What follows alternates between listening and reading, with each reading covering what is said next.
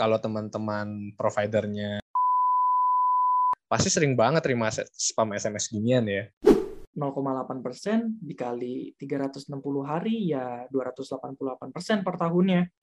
Pasti abis dengerin ini makin mantap nih daftar CPNS ya buat teman-teman yang lagi dengar. Dan pertanyaannya, kenapa sih rate bunganya pinjol ini bisa gede banget? Halo teman-teman, selamat datang di podcast edisi pertama dari Pojok Keuangan.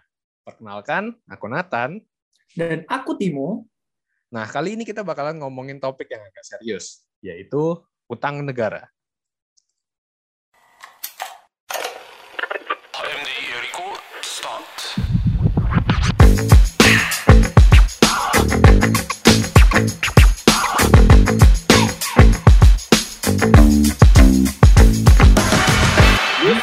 Is Walkie Talkie Podcast.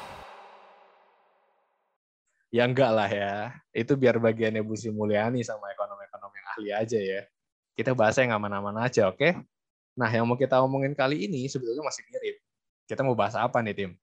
Kita mau bahas soal pinjol alias pinjaman online. Masih sama sama ngomongin utang kok. Bener banget. Belakangan ini kayaknya banyak kasus soal pinjol nih. Yang paling sering diberitain tuh biasanya uh, soal cara penagihan debt kolektornya. Katanya pada serem-serem kan. Dan biasanya debt kolektornya ini nggak cuma nagih ke yang utang, tempat kerjanya pun ikutan diteror. Lingkungan sekitarnya, teman kantornya, teman mainnya, saudaranya, keluarganya. Nah, biasanya mereka ini ikutan diteror karena yang utang masukin nomor mereka sebagai orang terdekat. Jadilah ikut ke bawah-bawah gitu. Nah, biasanya eh, banyak kasus juga yang kenal aja enggak, tapi ikut-ikutan teror gitu kan. Bener banget tuh Nat, tetanggaku juga pernah nih ngalamin. Udah yang utang orang lain, kenal orangnya juga enggak lagi ya. Lah kita yang malah diteror setiap hari. Dan juga habis dengar dari beberapa teman, nggak cuma tetanggaku aja yang ngalamin, dan banyak juga kok yang pernah ngalamin kejadian yang serupa. Aku yakin juga sih, dari teman-teman pojok keuangan yang dengerin ini, pasti ada juga yang pernah ngalamin. Bukan yang ngutang, tapi diteror-teror. Pasti ganggu banget ya. Iya sih, pasti ganggu banget. Aku juga pernah baca nih, berdasarkan keterangannya Asosiasi Fintech Pendanaan Bersama Indonesia, ini tuh kayak organisasinya pinjol Indonesia gitu. Kalau sampai penagihan utangnya udah ngancem, udah neror, nyebarin data pribadi, itu tuh ulah pinjol yang ilegal. Nah, pinjol yang bukan anggota asosiasi, itu kata mereka ya. Aku nggak tahu persis juga sih apakah misalnya kalau pinjol yang besar, yang punya brand dan izin, itu tuh penagihannya beneran nggak ada teror atau bagaimana gitu. Mungkin dari teman-teman ada yang lebih tahu. Nanti bisa sharing juga ya di Instagramnya HMDE, khususnya di postingan pojok keuangan bulan Mei. Aku penasaran juga sih. Oke, nah balik ke soal legal-legal nih. Di Indonesia tuh pihak yang punya otoritas ngasih izin pinjol adalah OJK. Menurut keterangan OJK, salah satu ciri-ciri pinjol ilegal itu nawarin pinjaman lewat SMS atau spam SMS nih biasanya. Nah, ini itu kalau teman-teman providernya pasti sering banget terima spam SMS ginian ya. Sebetulnya teman-teman juga bisa dengan gampang sih, tinggal buka websitenya OJK, ngecek fintech lending yang udah berizin OJK. Ada kok di websitenya. Nah, cara nyarinya juga gampang, tinggal Google aja OJK Fintech. Nanti keluar tuh artikelnya. Pilih yang rilisan terbaru OJK. Dilihat tanggalnya. Barusan aku cek nih Nat, artikel terakhir dibuat itu ada sekitar 102 perusahaan pinjol yang terdaftar dan berizin. Banyak juga ya Nat. Salah satu ciri-ciri lainnya dari pinjol ilegal adalah yang nggak terdaftar dan nggak berizin juga. Serta menurut OJK ini mereka punya bunga yang gede banget sampai 4%. Mungkin menurut teman-teman ada yang bertanya juga nih, loh 4% bukannya kecil banget gitu ya? 4% itu benar-benar kecil kalau per annum atau 4% per tahun. Sementara nggak ada cicilan yang 4% per tahunnya. Nah, iya tuh. Setahu juga nggak ada cicilan bunga pinjol 4% per tahun kan. Nah, buat teman-teman yang belum tahu nih, ngutang di pinjol itu beda sama di bank. Yang biasanya kita dikasih rate per tahun. Kalau di pinjol, teman-teman akan dikasih rate itu bunganya tuh per hari. Ya per hari. Jadi kalau misalnya dap tadi dapat bunga 4% per hari itu, itu rate-nya kalau dibikin setahun ya sekitar 1440 sampai 1460 persen per tahun. Aku ulangin ya, 1440 sampai 1460 persen per tahun. Ya, teman-teman nggak salah dengar, seribuan persen per tahun. Aku pertama kali dengar juga geleng-geleng kepala tuh. Nah, itu kan kalau pinjol yang ilegal gitu ya. Sementara kalau yang legal, ya harus ngikutin regulasinya OJK. Setauku ada di kisaran 0,05 persen sampai 0,8 persen per harinya. Ya kalau dibikin per tahun tetap lumayan juga sih ya, Nat. 0,8 persen dikali 360 hari ya 288 persen per tahunnya. Dan pertanyaannya, kenapa sih rate bunganya pinjol ini bisa gede banget? Apalagi kalau teman-teman coba bandingin dengan bunga di bank. Jawabannya adalah soal di faktor risikonya. Teman-teman pasti familiar kan sama high risk, high return? Nah, ini juga berlaku di dunia perutangan. Tapi risiko dan returnnya ini ada di sisi pemberi pinjamannya. Semakin tinggi risiko yang dihadapi sama pemberi pinjaman itu, semakin tinggi juga return yang mereka minta, return yang mereka harapkan.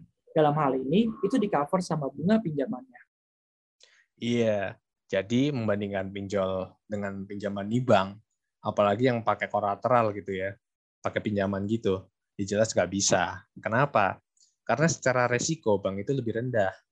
Mereka pegang kolateral yang kalau utangnya nggak dibayar, kolateralnya ya disita. Nah, dari sisi yang utang pun, mereka punya willing to pay, yaitu kemauan untuk membayar utangnya. Lebih tinggi daripada yang pinjam tanpa kolateral. Nah, usahanya bakal lebih untuk membayar utangnya biar aset yang diagunkan, aset yang dijadikan jaminan, itu nggak disita. gitu. Dan sebetulnya ya, penilaian risiko itu nggak cuma soal ada di kolateral atau enggak. Sama-sama ada kolateral pun bisa kena bunga yang beda Biasanya hal lain yang dilihat adalah di sumber pendapat pendapatannya. Nah, aku bisa kasih contoh misalnya antara pegawai swasta yang mana sudah menjadi pegawai tetap dengan PNS atau ASN. Itu beda tahu level resikonya. Meski mereka sama-sama dapat gaji bulanan rutin, PNS atau yang sekarang ASN biasanya dianggap punya risiko gagal bayar yang lebih kecil. Pas keadaan lagi normal, mungkin soal risiko gagal bayar ini masih menjadi debatable karena ya tadi sama-sama digaji di bulanan, tapi sebetulnya yang paling kelihatan banget itu pas lagi pandemi kayak sekarang, pas lagi krisis ekonomi kayak sekarang, banyak karyawan swasta yang di PHK. PNS kan nggak ada yang di PHK. Iya tuh. Pasti abis dengerin ini makin mantap nih daftar CPNS ya buat teman-teman yang lagi dengar. Oke, balik lagi ke pinjol nih. Nah, pinjol itu udah nggak minta kolateral, dia nggak minta detail sumber pendapatan yang utang lagi kan. Jadi secara resiko gagal bayarnya juga jelas lebih tinggi. Bahkan kalau mau dibandingin sama kredit tanpa agunan bank pun, apalagi kayak bank-bank besar gitu ya, kayak bank ya beda, lumayan juga karena meski nggak ada agunannya, mereka tetap minta data sumber pendapatan ke nasabahnya. Beda sama pinjol gitu kan. Apalagi kalau pinjolnya ilegal. Sebetulnya tuh mereka itu nanggung risiko gagal bayar yang lebih gede gitu ya. Makanya bunganya bisa lebih gede lagi antara yang ilegal dengan yang legal. Yang ilegal itu bisa sampai 4% per harinya. Kenapa? Karena yang ilegal itu menanggung risiko gagal bayar yang lebih dibandingkan sama yang legal itu. Nah, pertanyaannya kok bisa gitu ya? Nah, ini yang bikin beda antara pinjol ilegal dan yang legal. Nah, yang legal itu karena dia terdaftar di OJK, jadi mereka ngeling dengan slip OJK. Atau teman-teman mungkin lebih familiar dengan sebutan BI checking. Itu tuh istilah lamanya karena dulu fungsi pengawasan masih di bawah BI. Nah, ketika pinjam uang di pinjol yang legal, terus gagal bayar, itu tuh terrecord gagal bayarnya di slip OJK. Dan sebaliknya, kalau sebelumnya punya rapor merah di slip OJK, pihak pinjol itu juga bisa tahu dan punya hak buat nolak pengajuan biayanya. Kalau memang skor kredit sliknya jelek. Nah, kalau di pinjol ilegal, karena karena dia nggak terdaftar di OJK gitu ya, mereka jadi nggak ngeling sama slik OJK. Jadi orang yang skor kreditnya jelek pun punya banyak utang yang macet, tapi tetap bisa ngutang di pinjol ilegal ini.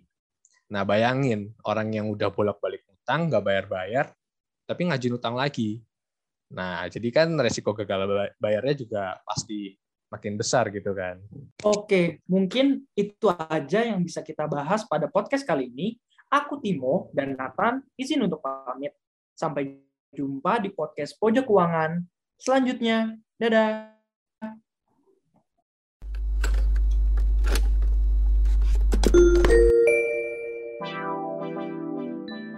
Thank you for enjoying the moment with us through listening this podcast. And also tap our other episode and share it to your mate. See you guys in another episode.